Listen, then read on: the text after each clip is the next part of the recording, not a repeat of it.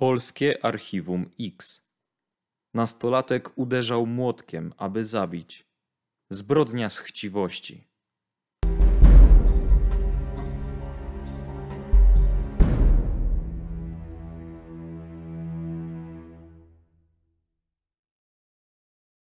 Po latach Bogdan i Mariusz wspominają, że ta sprawa zapadła im głęboko w pamięci. W kręgach małopolskich mediów już funkcjonuje nazwa policyjnej grupy Archiwum X, ale do jej sformalizowania przez kierownictwo krakowskiej Komendy Wojewódzkiej Policji musimy jeszcze poczekać blisko rok.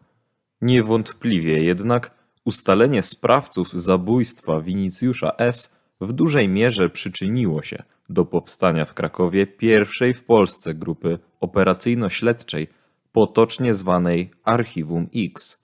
2 kwietnia 2003 roku Mariusz i Bogdan pełnili tzw. dyżur wydziałowy, który w tamtym czasie w Wydziale Kryminalnym KWP w Krakowie trwał przez tydzień. Około godziny 11 dyżurny Komendy Miejskiej Policji w Krakowie poinformował KWP w Krakowie o odnalezieniu zwłok starszego mężczyzny na obrzeżach Krakowa. Na miejscu ujawnienia zwłok pracowała już ekipa oględzinowa z Komendy Miejskiej Policji w Krakowie. Nikt nie miał wątpliwości, że mamy do czynienia z zabójstwem. Głowa mężczyzny została dosłownie zmasakrowana narzędziem tempokrawędzistym, jak to określił biegły lekarz z Zakładu Medycyny Sądowej w Krakowie, wezwany na miejsce zdarzenia. Problemem okazało się znalezienie motywu tej zbrodni. Od razu wykluczyliśmy tło seksualne, wspominają po latach Bogdan i Mariusz. Ujawnione obrażenia zwłok wykazywały cechy tzw. overkill, tłumaczonego na język polski jako nadzabijanie, czyli zabójstwa popełnionego w wyniku silnego wzburzenia emocjonalnego. Ale takie cechy będzie nosiło również zabójstwo popełnione przez, jak to się określa w kryminologii młodocianych sprawców, osoby niedojrzałe emocjonalnie. Rozpatrywaliśmy na miejscu zdarzenia motyw rabunkowy, który wraz z motywem seksualnym okupuje od zarania wieków pierwsze miejsce w hierarchii motywów zabójstw. Nie tylko w Polsce, ale również na całym świecie. Ale tutaj napotkaliśmy na pierwsze trudności w jednoznacznym stwierdzeniu takiej motywacji. Winicjusz S. mieszkał w warunkach skrajnego ubóstwa. Odrapane i dawno niemalowane ściany, niekompletny, wyblakły plastikowy żyrandol, brak jakiegokolwiek sprzętu AGD i do tego wszechogarniający bałagan. I to bałagan niekoniecznie spowodowany działaniem sprawcy zabójstwa. Na pierwszy rzut oka ofiarą zabójstwa była osoba niemajętna i socjologicznie zaniedbana. Z jednej strony takie osoby z uwagi na wiek, odludne miejsce zamieszkania, to jest z dala od sąsiadów, określa się w kryminologii jako osoby wiktymne, czyli podatne na stanie się ofiarą przestępstwa. Ale z drugiej strony pojawiło się pytanie, po co ktoś taką osobę miał pozbawić życia i to w tak drastycznych okolicznościach. Nieopodal zwłok Winicjusza w trakcie oględzin ujawniono starą, stalową, pokrytą emalią miskę. Miska ta nosiła liczne mechanoskopijne ślady wgnieceń. Bez specjalistycznych badań było oczywiste, że ofiara zasłaniała się tą miską niczym tarczą przed ciosami napastnika. Po zaznajomieniu się z miejscem zdarzenia Mariusz i Bogdan wyruszają na najważniejsze czynności oględzin, a więc zdobywanie informacji na temat ofiary, miejsca zdarzenia i informacji co do ewentualnego motywu zabójstwa. Platon spisał ciekawą historię związaną z okolicznościami życia swojego mistrza Sokratesa.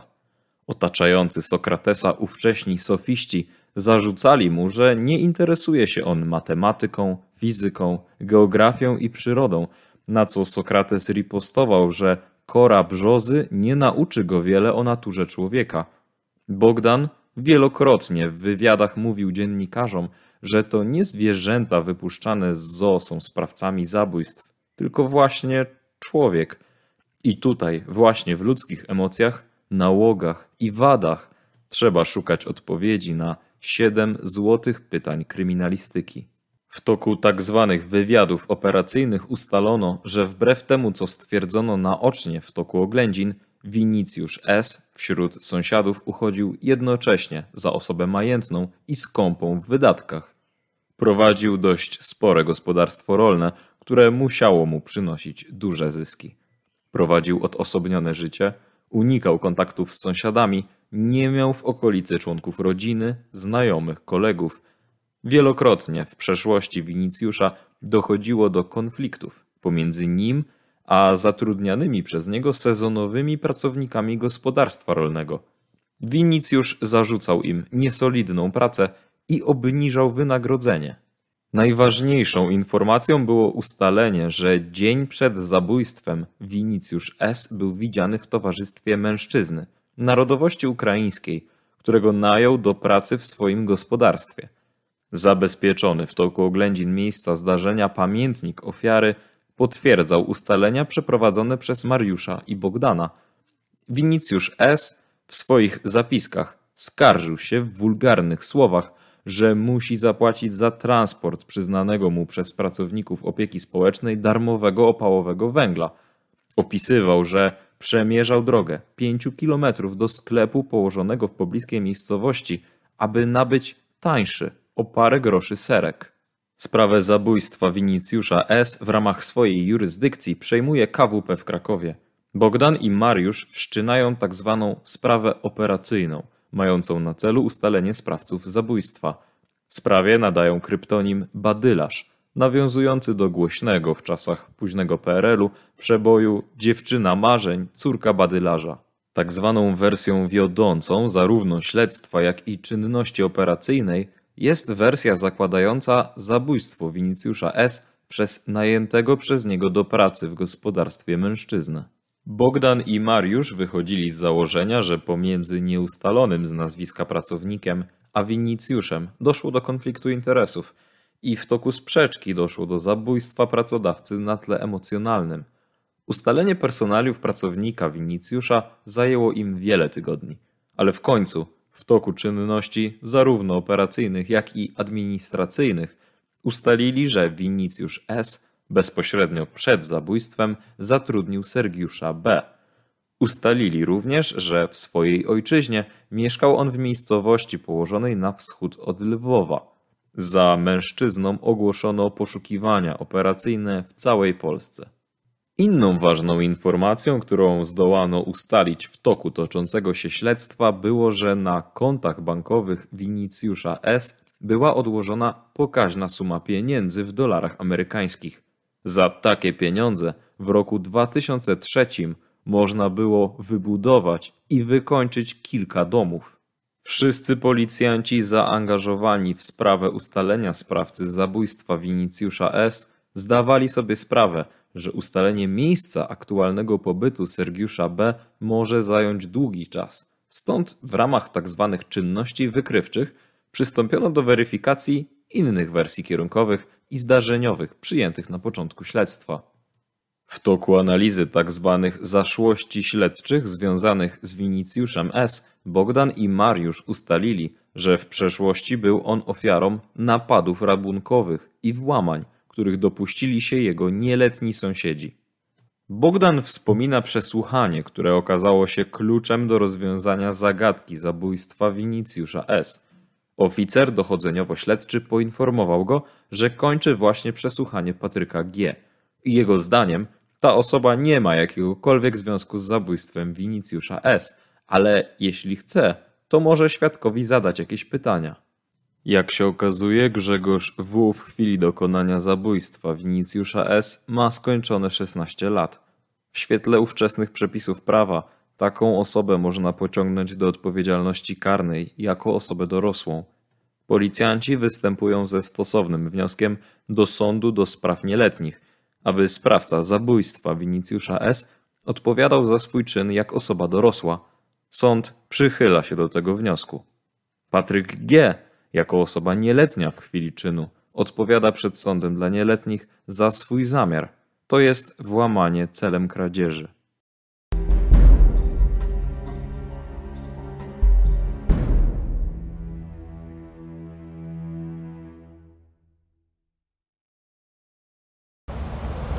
Panowie, ta sprawa ma swój początek w 2003 roku. Jak trafiliście na trop tej sprawy? To znaczy nie trafiliśmy na, tej, na trop tej sprawy, tylko tak się złożyło, że z Mariuszem e, we dwójkę mieliśmy akurat tak zwany dyżur wydziałowy. Ten dyżur polegał na to, że przez cały tydzień, 24 godziny na dobę mogli, no jeżeli było jakieś zdarzenie na terenie województwa małopolskiego, no to do nas dzwoniono jeżeli byliśmy poza miejscem służby i, i, musieliśmy jechać na miejsce takich zdarzeń jak samobójstwa, jakieś podejrzane zgony, a już na pewno w pierwszej kolejności na zabójstwa. No tak się złożyło, że to się chyba, pamiętam, że to było w trakcie pracy chyba, prawda? Nie ściągali nas z domu Jechaliśmy wtedy. Tak. No i przez, wysłano nas na obrzeża Krakowa, tam w stronę jak Pabiednik, prawda, tam e, gdzie, gdzie są te uprawy i no, na takim odludziu, taka ulica Wąwóz pamiętam był, wjeżdżało się, taki domek, wiesz, niepozorny, ceglasty, nieotynkowany. Już na miejscu była komenda miejska policji i, i, i, i oni już zaczęli czynności oględziny. My z ramienia Wydziału Kryminalnego do nas wtedy inne czynności służbowe obowiązywały. No, zobaczyliśmy, że w przedpokoju tego domu leży mężczyzna, ma masę obrażeń ciała, masę krwi, co nam zwróciło uwagę. No, praktycznie warunki takie, że bezdomni czasami lepiej, w lepszych warunkach mieszkali, stare sprzęty, praktycznie no, rudera, można by powiedzieć, yy, słabo wyposażona. Ustaliliśmy z Mariuszem, bo zaczęliśmy robić wywiady w okolicy, że to był mężczyzna, który miał dużo w sumie areałów do uprawy, trudnił się ogrodnictwem, ale miał taką w okolicy no, uważano, że on jest skąpy, prawda, że obcina pensje pracownikom, że co chwilę ma jakieś kłopoty z pracownikami, prawda, nikt tam u niego długo, długo nie może wytrzymać. I też wpadliśmy już wtedy pierwszego dnia na trop, że dzień wcześniej, zanim te zwłoki były ujawnione, był widziany jak idzie w towarzystwie pracownika e, którego prawdopodobnie wtedy jeszcze nie wiedzieliśmy, kto, co to za pracownik, ale już mówiono, że to prawdopodobnie Ukrainiec, bo w, tym, w tamtym okresie czasu, to był rok 2003, większość tych właścicieli, tych gospodarstw zatrudniało właśnie Ukraińców, którzy brali, których brali tam z pobliskiej takiej miejscowości. Był taki, taki ryneczek przy sklepie i tam ci Ukraińcy czekali na pracodawców. I właściwie pierwszego dnia tyle wiedzieliśmy. Co wiedzieliśmy właściwie o tej osobie, którą, o tej ofierze, którą znaleźliście? To znaczy, tak jak powiedział Bogdan, tutaj te wstępne rozpytania y, pozwoliły nam ustalić, że, że był to właściciel y, gospodarstwa ogrodniczego, który żył od wielu lat z uprawy y, kwiatów. Te kwiaty sprzedawał potem na giełdzie, zatrudniał właśnie w większości obywateli Ukrainy, którzy w tamtym czasie przyjeżdżali, niektórzy nielegalnie. Tam była taka kwestia, że wielu z nich mieszkało kątem w miejscowych szklarniach, ponieważ tam dalej jest e, zagłębie uprawy kalafiora i innych warzyw i byli oni wynajmowani przez tych gospodarzy do takiej ciężkiej pracy. Tutaj, e, tak jak już mówił Bogdan, wiedzieliśmy jedną rzecz, że wszyscy twierdzili, że była to osoba bardzo no, nieoszczędna, można powiedzieć, że nawet skąpa i to było widać po tym, jak po zabudowaniach, po domu, po wnętrzu, wręcz sprawiało ono wrażenie takiego zaniedbanego. E, różne rzeczy tam w domu gdzieś leżały. Y, można powiedzieć, że, że był taki totalny nieład. Natomiast y, też usłyszeliśmy takie stwierdzenie, że jest uznawana w okolicy za osobę bardzo majętną, czyli że dysponuje no, dosyć du dużymi zasobami w związku z tą swoją oszczędnością i prowadzoną działalnością i że te jego zasoby yy, pieniężne i osoba majętna, która po prostu gdzieś ma te, można powiedzieć, ukryte te wszystkie swoje walory. Ale to dopiero, to, przepraszam, ale to dopiero później żeśmy ustalili, pamiętasz, bo nasze, czytaliśmy pamiętnik tego człowieka, prawda, gdzie tak, opisywał, że szedł kilka kilometrów dalej do poprzedniej miejscowości, żeby kupić serego, który był tańszy tam 20 groszy. Tak samo pomstował, że dostał za darmo węgiel, ale musiał już zapłacić za transport. No takie wskazujące na ubóstwo tego człowieka, prawda? I, i powiedzmy w pierwszym momencie wydawało nam się, że, że no ten człowiek no, żyje w totalnej biedzie i nie ma żadnych środków finansowych. Yy, prawda, wybiegając do przodu, no, sąd zwolnił go z tajemnicy bankowej, ustaliliśmy numery konta, no i na wtedy to była kwota, pamiętam, O, to była kwota astronomiczna i to w dolarach, z których Polak nie marzył po prostu. Tyle pieniędzy ten człowiek miał na koncie. Ale wróćmy do początku. Znajdujecie nieżywego mężczyznę. Jedyne co wiecie, że zatrudniał obcokrajowców, którzy pracowali u niego na roli, na polu, a jednocześnie ci pracownicy dość często się zmieniali. Co dzieje się potem? Potem była żmudna praca, bo tam nie było, nie było łatwo w ogóle, mm, taka miejscowa okoliczność, gdzie trudno co, cokolwiek się dowiedzieć. Ja pamiętam z Mariuszem raz przyjechaliśmy do człowieka, żeby były tam jakieś tropy szły, że może mieć informacje właśnie na temat tych pracowników, którzy w przeszłości pracowali u tego człowieka. Przyjął nas bardzo gościnnie, jak usłyszał, że z Komendy Wojewódzkiej, bo był przekonany, że zgłosił akurat wniosek o pozwolenie na broni. Był przekonany, że my w tej sprawie przyjechaliśmy. Jak powiedzieliśmy o co chodzi, to była awantura i, łącznie z wyrzucaniem nas musieliśmy po prostu interweniować i w ogóle nie było rozmowy.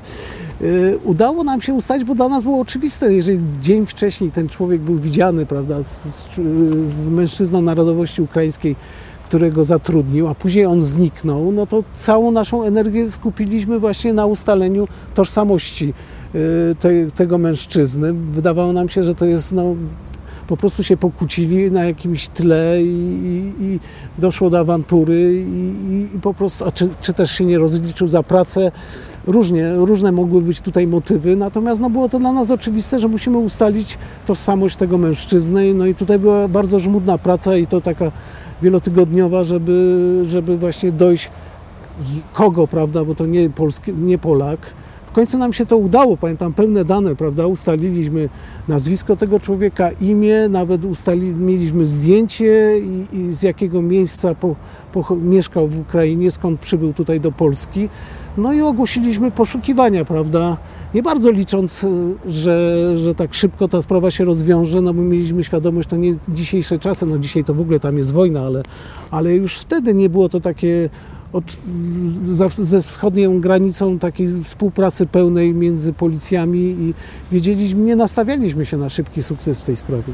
Tutaj też był problem, bo tak jak mówi Bogdan, ustaliliśmy dane tej osoby, e, natomiast e, kosztowało to i było bardzo e, mozolnie do tego dochodziliśmy, gdyż w urzędach miejscowi rejestrowali część tych obywateli, prawda, czyli żeby miał chwilowy pobyt do pracy, natomiast e, pozostała część w ogóle była, tu można powiedzieć, na czarno. W tej chwili tak nie jest, bo wiadomo, że tak jak w tej chwili te osoby są rejestrowane, mają wydawane PESLE, inne można ich ustalić, wtedy nie. Wtedy gdzieś tam generalnie sprzyjało to rozwojowi przestępczości, ponieważ te osoby nigdzie nie figurowały. Tutaj akurat mieliśmy trochę szczęścia i kosztowało nas to pracy, że tą osobę ustaliliśmy. Ja może wrócę jeszcze do tego początku, yy, o którym mówił Bogdan, że, że, że yy, osoba, która została zabita, została zabita w bardzo brutalny sposób i właśnie tutaj myśleliśmy nad tym, że yy, ktoś właśnie w przypływie impulsu nerwów, czyli tak jak tu mówimy,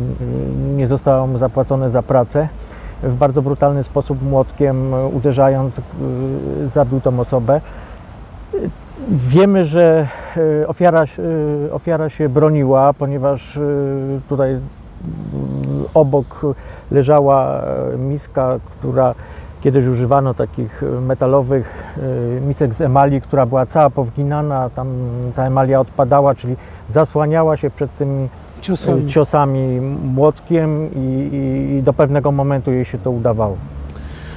No ale wiesz, tak jak mówię, w pewnym momencie śledztwo utknęło w martwym punkcie, były ogłoszone poszukiwania, trzeba było coś robić dalej, prawda, no bo to nie była jedyna wersja, że na początku ustaliliśmy z Mariuszem, że no, ten człowiek na podstawie zapisów z baz policyjnych wielokrotnie był okradany, był chyba tam raz napad rabunkowy u niego, włamanie. Tak, W część tych spraw udało, ustali, było ustalone sprawców, to byli jego sąsiedzi nieletni i, no i czekając prawda, na, na wyniki tych naszych poszukiwań zajęliśmy się tą wersją tych młodych ludzi, którzy w przeszłości y, na pewno bywali u tego człowieka w celach przestępczych, y, dokonywali, okradali go.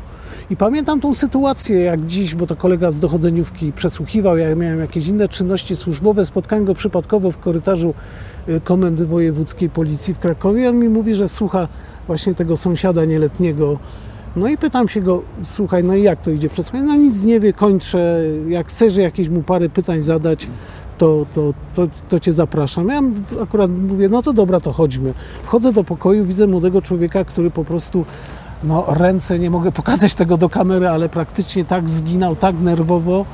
Y, Widać było, że jest nerwowy. Ja po prostu zauważyłem, co się z nim dzieje, że on cały drży. Spytałem go tylko, dlaczego to zrobiłeś? A on mówi, że to nie ja. Ja mówię, a kto? Mój kolega.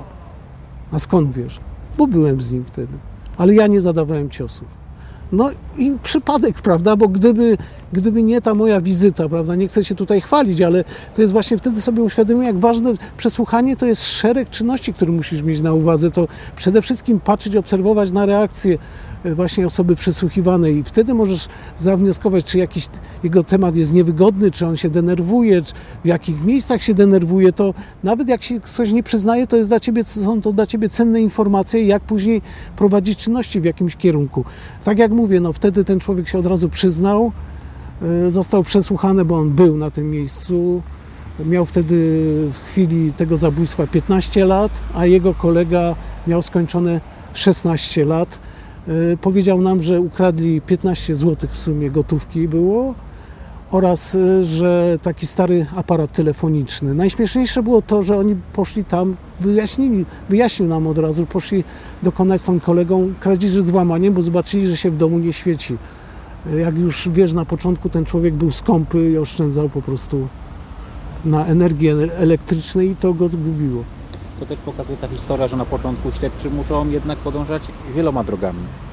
Tak, tutaj możemy powiedzieć, że wieloma, natomiast y, tak jak tu nieraz rozmawiamy, no, trudno wytyczać y, bardzo wiele wątków, kiedy gdzieś tam niektóre są oczywiste. Tutaj wydawało się oczywistym, że jednak ten y, wątek przewodni, czyli obcokrajowcy, którzy byli zatrudniani, patrząc na y, generalnie inne zdarzenia w kraju, można było stwierdzić, że mogło dojść właśnie na wskutek Tak, zwłaszcza, że tam w okolicy już było zabójstwo, tak samo doszło do zabójstwa właśnie, którego dokonał obywatel Ukrainy, ale wiesz, ty masz rację, że czasami trzeba wielotorowo, ale w tych przypadkach, gdzie mamy tło, e, tło to finansowe, ma- majątkowe, to tak, jest tyle grup przestępczych, które trudnią się kradzieżami, złamaniami, e, napadami rabunkowymi, że tutaj nie możesz zakładać, tu nie ma jakiegoś, wiesz, że jest tylko motyw rabunkowy, prawda? Ale tego, tego, tego zabójstwa, tej zbrodni mogą się dopuścić różne grupy przestępcze i tu faktycznie trzeba wielotorowo. W takich, przy takich zdarzeniach to trzeba te wersje różne kierunkowe yy, zakładać. No i wtedy założyliśmy, prawda, bo jedna z wersji była to, że to ci te osoby nieletnie, które w przeszłości właśnie okradały tego mężczyznę, dokonały i, i weryfikacja doprowadziła, prawda, do, do ustalenia no, sprawców zabójstwa. W chwili obecnej troszeczkę inaczej patrzymy na takie rzeczy, zwłaszcza współcześnie, prawda, bo tutaj mamy do czynienia z bardzo młodymi ludźmi, prawda, jeden 15, drugi 16 lat. Y, Tych zdarzeń obecnie jest bardzo dużo, nawet patrząc na pryzmat ostatnich miesięcy w kraju właśnie i widzimy, że jednak takie młode osoby są zdolne do takich brutalnych y, zachowań czy zabójstw. Jest trochę inaczej. No, wtedy było troszeczkę inaczej i nawet y, zestawienie czegoś takiego, że i założenie, że to właśnie tak bardzo młode osoby, osoby, które gdzieś tam y, są z tamtego rejonu, to powodowało to, że w tej sprawie no, wiele tych czynności nie przynosiło skutku i dopiero właśnie przełom nastąpił, tak jak tutaj mówił Bogdan. Ale jeszcze dodam, Mariusz, słusznie zauważyłeś, że tam było tak, nawet zastanawialiśmy, czy to nie mamy do czynienia ze zjawiskiem overkiller, prawda, czyli nadzabijanie, to było za dużo ciosów, prawda, ta faktycznie ta miska pogięta, Tak. że, że on, te, która amortyzowała te ciosy. Potem w czasie przesłuchania uwzględniliśmy ten wątek i, i ten, ten sprawca już, prawda, ten, który zadawał ciosy, powiedział, że no, jak weszli do tego ciemnego pomieszczenia, on wypadł mówił, ja was znam, ja was znam, jesteście moimi sąsiadami, odpowiedzieć za ten czyn. I on wtedy wziął młotek, który tam leżał w pobliżu po prostu i z nerwów wystraszył się po prostu i zaczął na oślep zadawać tyle ciosów. Ci młodzi ludzie żałowali potem? Rozmawialiście z nimi o tym? To wiesz, to, no, ten na pewno, ten, który był pierwszy, który, który, który takie miał nerwowe objawy, to tak, a ten drugi już był w mniejszym stopniu wylewny. Pamiętam, że no, on był jako najpierw przesłuchany w charakterze nieletniego, prawda, bo, bo nie miał skończonych e, 17 lat, ale był już wtedy przepis, że jeżeli osobą, osoba nieletnia skończyła 16 lat, może odpowiadać jako osoba dorosła. Skierowaliśmy, pamiętam, wniosek do sądu dla nieletnich właśnie o to, żeby tutaj właśnie zastosować tą procedurę, żeby odpowiadał jak dorosły i sąd się przychylił, prawda, do, do tego naszego wniosku i, i później już był normalny proces, jak odpowiadało jak osoba pełnoletnia.